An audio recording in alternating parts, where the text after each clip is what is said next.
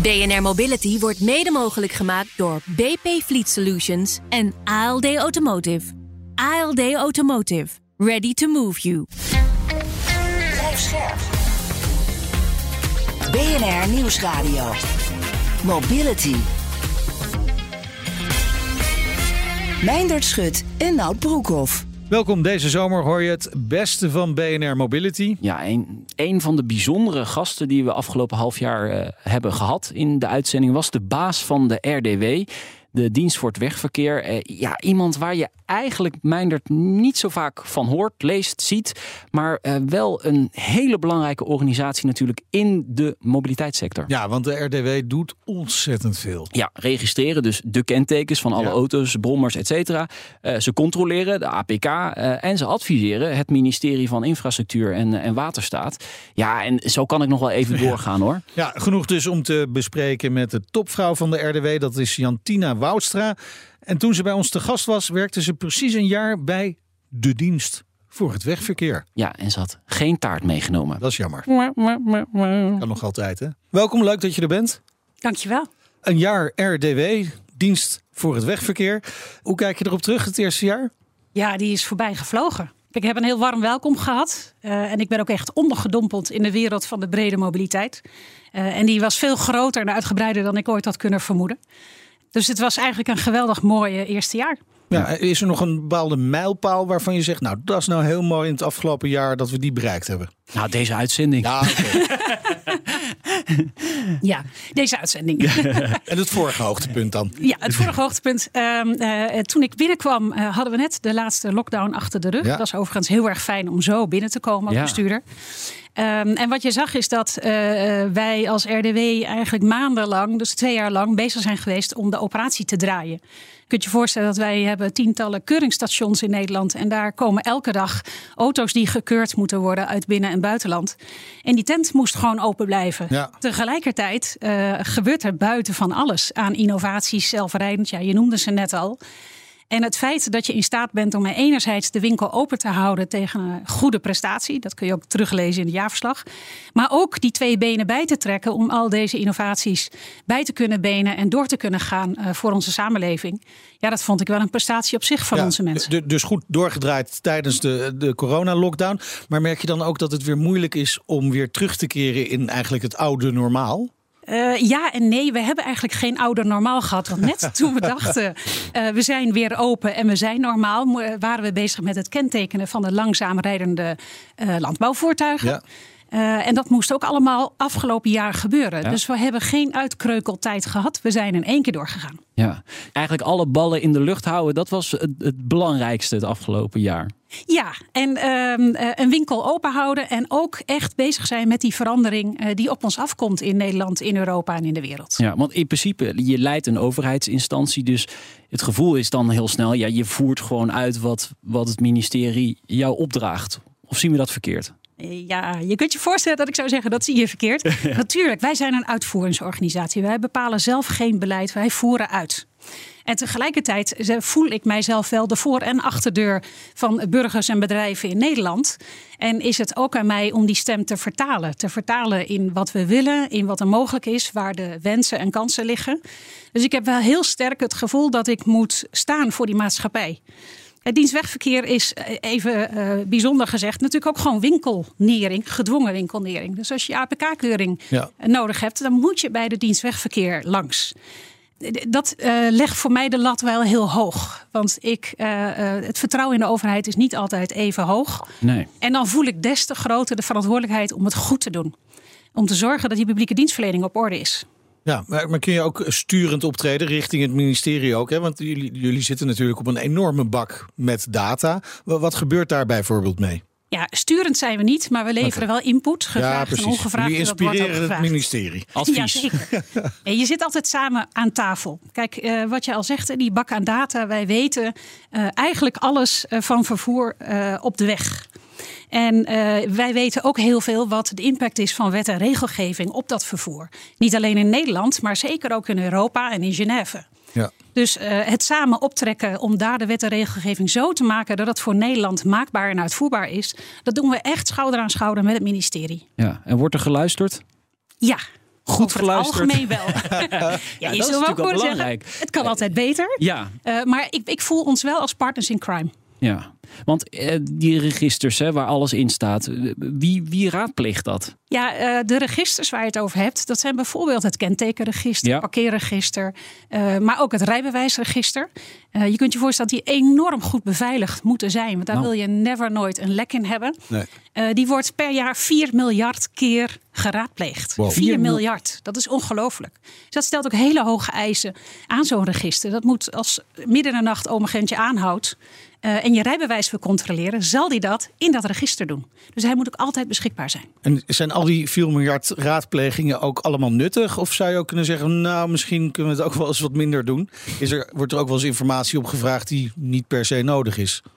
Ja, dat is niet aan ons om Nee. daar een oordeel over te vellen. Wij moeten vooral zorgen dat, Dat het kan. eh, dat het kan. En dat het veilig is. gaat, En dat eh, er foutloze informatie aan, in staat. En dat is onze allerbelangrijkste Ja. doelstelling. En daar eh, staat alles in over motorvoertuigen, dus auto's, over motoren, et cetera. Maar in Nederland worden ook heel veel nieuwe elektrische fietsen verkocht. Maar die registreren jullie niet als voertuig, hè? Dat klopt. Ja. En waarom niet? Ja, je kunt je voorstellen dat alles registreren aan voertuigen, eh dat zijn er nu iets meer dan 10 miljoen in Nederland, een enorme opgave is. Dat registreren moet je dus ook heel nauwgezet doen. We doen dat in overleg, dus er moet ook een wettelijke grondslag zijn, noemen ze dat in Den Haag, om zoiets te mogen registreren. Er zijn voor- er zijn nadelen. Het voordeel van registreren is dat je dan ook een kentekenplaatje kunt aanvragen, een voertuig verzekerd wordt. En dat doet ook iets met het gedrag van de bestuurder. Op het moment dat iemand echt een voertuig heeft met een kentekenplaatje, Ja. dan zien wij dat ze er zuiniger op zijn, op hun spulletjes. Aan de andere kant wil je juist bijvoorbeeld het gebruik van fietsen enorm aanmoedigen en niet te veel drempels opwerpen. Dus je ziet dat we iedere keer die balans aan het zoeken zijn tussen eh, wat wil je kentekenen, zo noemen we dat, eh, eh, omwille van de veiligheid en duurzaamheid en het gedrag in Nederland, versus welke ballast leg je bedrijven en burgers op. Ja, maar er is een, een pleidooi voor een registratieplicht voor elektrische fietsen. Eh, onder andere om ze bijvoorbeeld beter vindbaar te maken als ze gestolen zijn. Is dat iets waaraan gewerkt wordt? Gaat dat Eh, veranderen, zo'n plicht? Ja, we beginnen nu bij de licht elektrische voertuigen. LEF heet dat. Ja. Daar zitten nog geen elektrische fietsen in. Maar wel andere zaken, bijvoorbeeld de stepjes. Eh, dat is de eerstvolgende stap waar we mee bezig zijn om die te gaan registreren. Oké, dus voorlopig de elektrische fiets nog niet. Voorlopig nog niet. Voorlopig maar je hoort eh, mijn ambitie eh, door, eh, op door mijn termijn. woorden heen. Ja, is dit zo'n verandering waar veel over gesproken moet worden, ook met het ministerie? Omdat er ha- hangen ook haken en ogen aan, maar het zou misschien ook wat dingen kunnen oplossen. Dus een beetje goed tegen elkaar afwegen dan. Ja, zeker. En niet alleen met het ministerie, maar met meer partijen in de keten. Het CBR is eh, zo'n partij. Ja. Eh, de Fietsersbond, de ANWB. Dus wij eh, proberen altijd branchebreed met elkaar te overleggen. En Polderen. uiteraard ook de handhaving, het Openbaar Ministerie. Want ja, als je iets wil met z'n allen, moet je ook in staat kunnen zijn om dat te kunnen controleren en toezicht op te kunnen houden. Ja. Het zou het wel een stuk makkelijker maken als er een kenteken op een elektrische fiets zit om, om bijvoorbeeld te handhaven. In Amsterdam wil bijvoorbeeld 20 km per uur, maximum snelheid. Vraag me af of dat er ooit gaat komen, maar dan kun je wel zeggen: hey, die meneer met dat kenteken, die rijdt te hard. Ja, daar heb je gelijk. Hoef je hem niet staande te houden. Nee. En als die fiets dan straks helemaal zelfstandig fietst, hoe doe je het dan? Dat is dan natuurlijk de vraag. Voorlopig is dat nog niet het geval. Ook niet over eh, als het gaat om auto's. Als we kijken naar autonoom vervoer, hè, dat, dat lijkt op dit moment, als je eh, door je oogharen kijkt, verder weg dan ooit.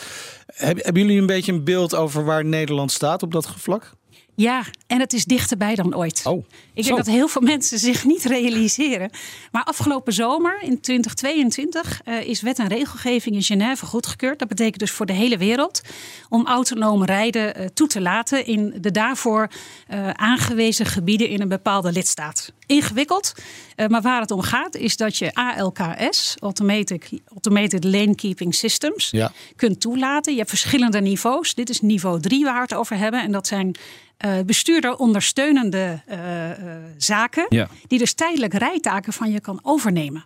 De wet en regelgeving is al klaar. En wij weten nu ook al dat de eerste fabrikanten op de deur kloppen. En zeggen wij hebben een serie voertuigen. En we willen graag daar een goedkeuring voor krijgen.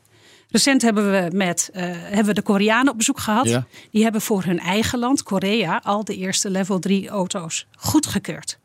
Nog niet voor de andere lidstaten om en heen. Dat is ook het probleem. Wij willen dat juist voor Europa.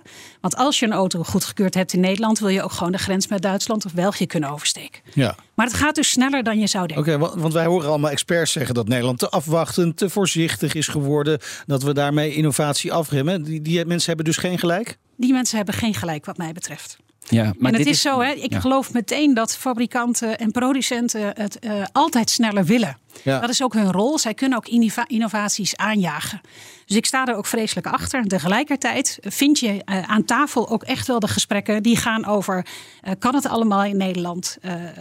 Welke innovatie? Wanneer is veilig genoeg? Veilig, veilig genoeg? Ja. En dat is eh, een gesprek wat ook in de lidstaten om ons heen heel veel gevoerd wordt. We heel veel van elkaar proberen te leren. En is daar onconsensus over? Nee, daar is nog geen consensus over. Goh, je verwacht het niet. Nee, Nee, maar en tegelijkertijd, we hebben geen keuze. hè, Want de wet en regelgeving is klaar. Fabrikanten staan op de stoep. Dus we Ja. moeten wel. We moeten gewoon zes benen bij. We moeten gas geven. Ja, maar dit is natuurlijk wel een voor. Ja, dit is semi-autonoom rijden. Dit is nog niet eens. Hè, dit is level 3, oké, met alle respect. Maar eh, level 5, daar zijn we echt nog heel erg ver van. Ja. Ja, en dat heeft niet zozeer met de techniek te maken, ook wel natuurlijk. Eh, maar op dit moment kun je nog niet een krant lezen achter het stuur. En dat heeft ook te maken met een discussie die we ook wereldwijd hebben, en dat is aansprakelijkheid. Als er iets gebeurt met een auto, is het dan de schuld van de fabrikant die de software heeft ontwikkeld? Of is het van de bestuurder? Nou, dan komt er een nieuwe partij aan tafel. Dat eh, zijn de verzekeraars, de leasemaatschappijen. Dus ook deze discussie moet je echt nog even een tandje dieper voeren, wil je daar keuzes in kunnen maken. Maar hoe los je dat op? Ik denk eh, met heel veel testen met elkaar om vertrouwen te krijgen dat het kan en dat het lukt. Ruimte krijgen in de wet en regelgeving om zaken eh erdoor te krijgen. Die voel ik ook echt wel. En er zit ook een stuk maatschappelijk draagvlak in. Eh, want de een zal hier absoluut zeggen, het moet morgen beginnen. En Ja. andere inwoners in Nederland zullen terughoudend zijn. Ja. En, En dat zijn communicerende vaten. ja. en heel concreet, wat gaan we nou de komende jaren merken van dat ALKS, hè, de Automated Lane Keeping Systems, level 3? Ja, dat eh, wij in Nederland eh, de eerste eh, eh, type goedkeuringen noemen we dat. Ja. In kleine series daadwerkelijk op de weg gaan krijgen. Ja. Dit jaar. Dit jaar of volgend jaar.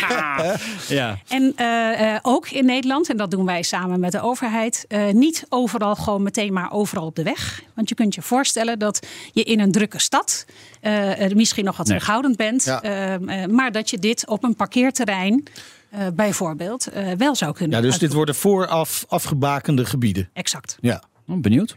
En graag een keer testen ja dan, toch? zeker. Jullie zijn van harte welkom. Ja. Mooi. Je luistert naar BNR Mobility. Onze gast is RDW-baas Jantina Woudstra.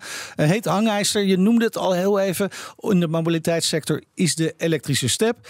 Eh, die kun je namelijk wel kopen, typisch Nederland. Maar je mag er eigenlijk niet mee de weg op. Dat blijft iets geks, hè? Ja, dat of is blijft het iets geks. typisch Nederlands? Nee, nee, nee, nee. Dit, die andere landen hebben hier ook wel last van. Alleen wij hebben inderdaad ze echt nog op de openbare wegen geweerd. Eh, terwijl als je naar Brussel gaat of naar Rome of naar Barcelona of naar Berlijn, dan zie je ze overal op de hoek van de straat Ja. liggen. Maar Ja. weren van de weg, dat gebeurt ook niet echt. Hè? Het wordt gewoon toegelaten. Ja, je kunt wel een boete krijgen. Ja, maar Ja. het is Ja. echt volgens mij geen politieagent die erop hand- handhaaft. Nou, Nou, die nee. zijn er wel. Ja. Maar ik eh, weet ook dat in onze maatschappij mensen zouden willen dat er meer op gehandhaafd eh, zou moeten worden. Dat is ook meteen een van de eh, onderdelen van dit gesprek van hoe doe je dat dan met Ja. elkaar. Maar het gevoel is dat het gewoon heel lang duurt. Wij zijn eigenlijk laatste in de rij in, in Europa. Ik zie ze Eh, overal. Eh, dat valt wel mee. Nee, wij zijn zeker niet eh, de laatste. Sterker nog, wat je nu Dat ziet. gevoel krijg je. In andere steden zijn ze dus eerder toegelaten. Dat is wat je eh, ziet. Ja. Ik ook, als ik gewoon naar Rome met vakantie ga. Ik heb ook zo'n stepje genomen. Ik vond het fantastisch. Wat Ja. een vrijheid. Ik dacht ook, dit is best wel linkersoep. Hier zijn geen speciale rijstroken. Ik rijd best hard zonder helm op zo'n dingetje. Wat je ziet is dat daar bijvoorbeeld de steps echt wel een beetje als, het klinkt een beetje gek, maar als onkruid worden gezien. Ze worden overal achtergelaten, in slootjes gedumpt. Ja. Er is weinig eigenaarschap eh, voor veel schade en veel ongelukken. Dus waar nu echt wel de aandacht van die steden op is, is terug naar Nederland. hey, hoe hebben jullie dit eigenlijk gedaan? Want jullie hebben geen probleem. Nou, niet toelaten. Precies.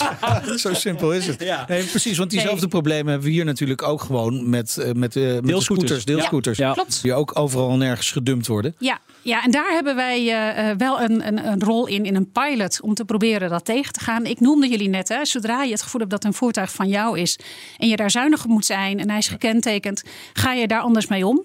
Nou, dat zie je met met allerlei middelen van deelvervoer. Stel nou dat een Don't be gentle, it's a rental. Yes. Bijvoorbeeld. Maar als jij zelf verantwoordelijk bent voor de, eh, de kilometers die je hebt gemaakt. en dat wordt netjes geregistreerd. Ja. en jij bent ook verantwoordelijk voor de verzekeringen van. ga je ander gedrag vertonen. Ja, mijn En kenteken... idealiter ja. Ja. wil je dat bijvoorbeeld in een wijk. eh, een aantal buren met elkaar een auto willen delen. dan wil je dat duidelijk hebben aan de voorkant. zodat je niet meer in Natuurlijk. je eentje een auto hoeft te hebben. Nee, natuurlijk. Een kenteken, dat snap ik ook wel. Maar ik lees nu eisen, eh, spiegel, remlicht, eh, richtingaanwijzers. Ja, gaat het daar inderdaad naartoe? Ik denk niet dat we zo ver doorgaan. Oké. Lijkt me wel cool hoor. Richting aanwijzers Nee, op je dan, step. dan is het gewoon geen step meer, vind ik. Dan, dan ga je al richting een, ja, een elektrische fiets of misschien een, ja, een scooter. Dan denk ik weet van ja, wat- dat voertuig is dan niet meer een step, voor mijn gevoel. Ik denk dat eh, we juist niet nu moeten gaan remmen in de specificaties. Dus als we duizend verschillende stepjes hebben, bij wijze van spreken. Je wil juist innovatie nu stimuleren. Ik geloof er ook in dat uiteindelijk we dit, dit geheel gaat eh, eh, convergeren in een aantal modaliteiten, vervoermiddelen, die echt langer termijn zijn. En of daar wel of niet een spiegeltje aan zit, de tijd zal het leren. Maar ik denk de enorme variatie die we nu hebben, dat dat zich zal uitkristalliseren over tijd. En dat je dat niet nu moet remmen, maar juist even moet stimuleren. Om te zorgen dat we innovaties krijgen die een aanvulling zijn op gewoon wel een duurzame klimaat. Want je hebt straks wil je de auto's weren uit een stad.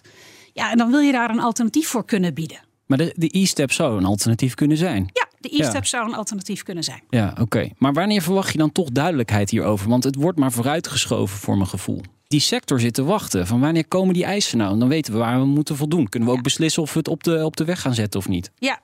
En ik denk dat de sector daar gelijk heeft dat ze zeggen schiet eens op. Tegelijkertijd als je gaat vertellen welke gesprekken je voert aan die tafel. Want het gaat niet alleen over dat spiegeltje op die step. Het gaat ook over de plek op de weg. Wel of niet een helm op, wel of niet een kenteken erop. Eh, welke snelheid wil je dan toelaten? Eh, dan komt er zoveel meer bij kijken. En natuurlijk eh, het handhaven van het geheel. Want anders ben je ook eh, iets aan het introduceren wat je vervolgens niet kunt eh Ja. Waarmaken? Nee. Dus eh, met al die stappen die je moet nemen, eh, heb je toch veel partijen aan tafel. Eh, en je kunt het maar één keer goed doen, want ik wil niet eindigen in een Barcelona of Rome waar die dingen. Nee, precies. Nee, en ik kan me ook voorstellen dat je eh, robuuste wetgeving wil hebben. Omdat je al zegt, ja, er kan zomaar weer een andere vervoersmodaliteit aankomen die we nog niet verwachten. Ik noem maar even een hoverboard of zo, die we nog kennen aan uit Back to the Future. Is weer iets anders. Hè, dan wil je eigenlijk dat die wetgeving daar ook gewoon op, eh, op van toepassing is. Ja, dat zeg je heel goed. Je wil geen maatwerk per voertuig, Nee. want de diversiteit aan modaliteit is ongelooflijk. En dat gaat alleen maar groeien. Nee, oké. maar daarom krijgen we ook een kader voor LEV's, hè, Ja. voor, voor LEV's. Ja. Gaan de drones daar ook onder behoren? Nee, nee Oh. een drone valt daar net niet onder. Registreren jullie die wel? Ja, drones? wij hebben ook het drone-register, waarin wij dus de drone-vliegbewijzen registreren. Oké. Dat is toch de dienst voor het wegverkeer? Ja. Raar. Ja, maar ja, we zijn gewoon heel erg goed in registers. Ja, en in digitaliseren. Eh, het rijbewijs, daar wil ik het nu nog even over hebben. Want eh, dat krijgen we misschien in de toekomst in onze smartphone. Nee, niemand ziet het, maar ik hou mijn eh, telefoon omhoog. Daar wordt dus serieus werk van gemaakt. Jazeker. En daar is ook echt vraag naar. De eerste stap die we gedaan hebben, en die is nou in meer dan 200 gemeentes in Nederland kan dat, is dat je digitaal eh, het verlengen van je rijbewijs eh, eh, online kunt doen. Dat scheelt je een ritje naar het gemeentehuis eh, om jezelf te identificeren. Dat, dat aanvraag kun je al online doen. Ja, dus je moet hem alleen nog ophalen. Ja. Precies. Ja. Nou, dat is stap 1. Eh, maar vervolgens een rijbewijs op een plastic kaartje. Nou ja, we hebben 1,8 miljoen rijbewijzen dit jaar uitgegeven. Dat is ook niet duurzaam en ook best wel onpraktisch. Want als je rijbewijs aangepast wordt, bijvoorbeeld omdat je eh, vroeger onder begeleiding mocht rijden, onder 18 mag dat. Ja. Eh, maar na 18 is die begeleiding niet meer nodig. Nou, dan moet je weer een nieuw rijbewijs. Want die begeleidingspasjes die doen het niet meer, want die zijn niet meer nodig. Kortom, je hebt allerlei zaken die je wil aanpassen. Ja, moet je dan weer naar het gemeentehuis een nieuw kaartje halen? Of kan dat gewoon online overnight? Ja, en dat laatste, daar is toch echt wel vraag naar. En als je nou bijvoorbeeld in een winkel een telefoon koopt en je moet je legitimeren, dan eh, is het handiger om zelf met je telefoon te kunnen laten zien welke informatie je wilt delen en welke niet. Ja, ik word hier toch wel een klein beetje nostalgisch van ook. Hè? Ik kan, jij kunt je vast wel goed herinneren ook nog dat je je eerste rijbewijs haalde. Jij ook, Nout. Ik ook. Ik kreeg nog zo'n fladderend, fluffy dingetje. Ja, papiertje. Ja. Papiertje, maar het is toch, ja, het is toch een soort Trots. diploma. hè? Ja. Je, je bent 18, je haalt dat papiertje en nu met je 17, dan kan dat al. Wauw, je bent volwassen, je kunt de wereld in en daar is het bewijs. Ja, Dan wil je toch niet digitaal. Kijk, wij gaan hem, eh, de kaart ook niet afschaffen. Dus als jij Oh. heel graag met je kaart wil zwaaien. Het verschil is wel dat digitaal je waarschijnlijk over een paar uurtjes achter het stuur van je vaders auto mag Ja. stappen. Ja, allebei En dan die maar. kaart, daar moet je toch twee, drie of vier dagen op wachten. Nee, maar het werkt eigenlijk zo. De pinpas heb je nu tegenwoordig ook in je wallet. En dan kun je ook gewoon mee afrekenen Klopt. in de, in de Albert Heijn. Ja. Maar is dit iets dat wij in Nederland gaan doen? Of, of moet dit Europees geregeld gaan worden?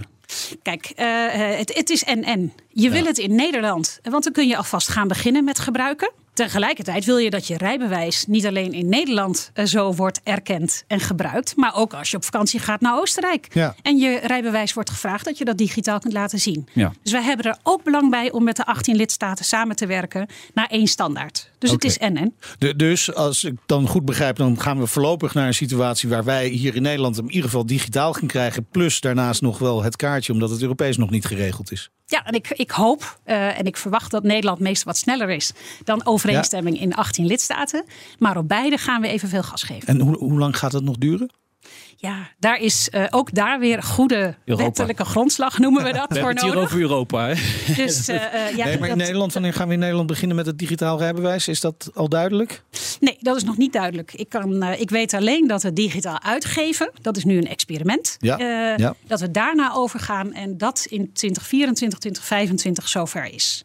Dus het kan nu al in 200 gemeenten, maar daarna is het echt in Nederland gemeengoed. Oké, maar eh, gaan we niet eerst dat eerst testen hoe dat werkt en of mensen dat fijn vinden en of andere landen daar wel goed mee overweg kunnen? Dat, dat er een soort, ja, hoe heet dat, pilot of zo komt? Dat zal er eh, ongetwijfeld ook komen voor Europa.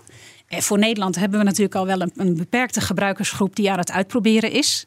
Eh, en we kijken natuurlijk ook weer naar andere landen. Dus ik vertelde je net dat eh, de Koreanen op bezoek waren. Ja. Eh, die hadden dit al. Da- Dan noem je voor de tweede keer de Koreanen. Lopen Ja. die zo ontzettend voorop op de rest van de wereld? Nee, die waren gewoon toevallig te gast. Maar ze zijn ook echt wel eh, goed Ja? bezig. Oké. Eh, eh, wij hebben niet voor niks recent een, eh, een memorandum of understanding met elkaar getekend om van elkaar te leren. Want waarom zouden wij het wiel uitvinden als een ander land zoveel verder is? Verschil is wel, wij zijn echt onderdeel van Europa en doen het best dus dit voor burgers en bedrijven door heel Europa te faciliteren. Dat is bij Korea net iets anders. Ja, dat is wat makkelijker in die zin misschien. Nou, denk het niet. Want als je daar de grens over wil steken Ja. en Ja. je rijbewijs doet het niet meer. Dan- dat eh, is of je zelf lastig. rijdende auto mag Ja. je dan niet meer aanzetten. Heb je een ander probleem. Ja. Dus de vraag is wat echt beter is. Maar ik vind ze echt sterk in innovatie. Ja, maar ze lopen ook voorop met natuurlijk met auto's bouwen en, en dat Ja. soort dingen. Dus eh, nee, dat is wel, wel duidelijk. Mooi en interessant. We blijven het allemaal eh, volgen. Dank voor dit gesprek. Jantina Woudstra, algemeen directeur van de RDW, de dienst voor het wegverkeer. Dit was BNR Mobility. Terugluisteren kan via onze website, via onze app, eh podcast, platform, naar eigen keuze. Ja. In de auto kan dat, En dan op de step, gewoon in het vliegtuig. abonneren op die podcast, want dan krijg je hem altijd als eerste in je podcast eh, feed. Ehm, heb je nieuws of andere verhalen voor ons? Dat kan natuurlijk ook. Dan mail je naar mobility.bnr.nl. Ik ben Meijnerd Schut. Ik ben Nout Broekhoff. Tot volgende week. Doei. BNR Mobility wordt mede mogelijk gemaakt door ALD Automotive en BP Fleet Solutions. Today, tomorrow, together.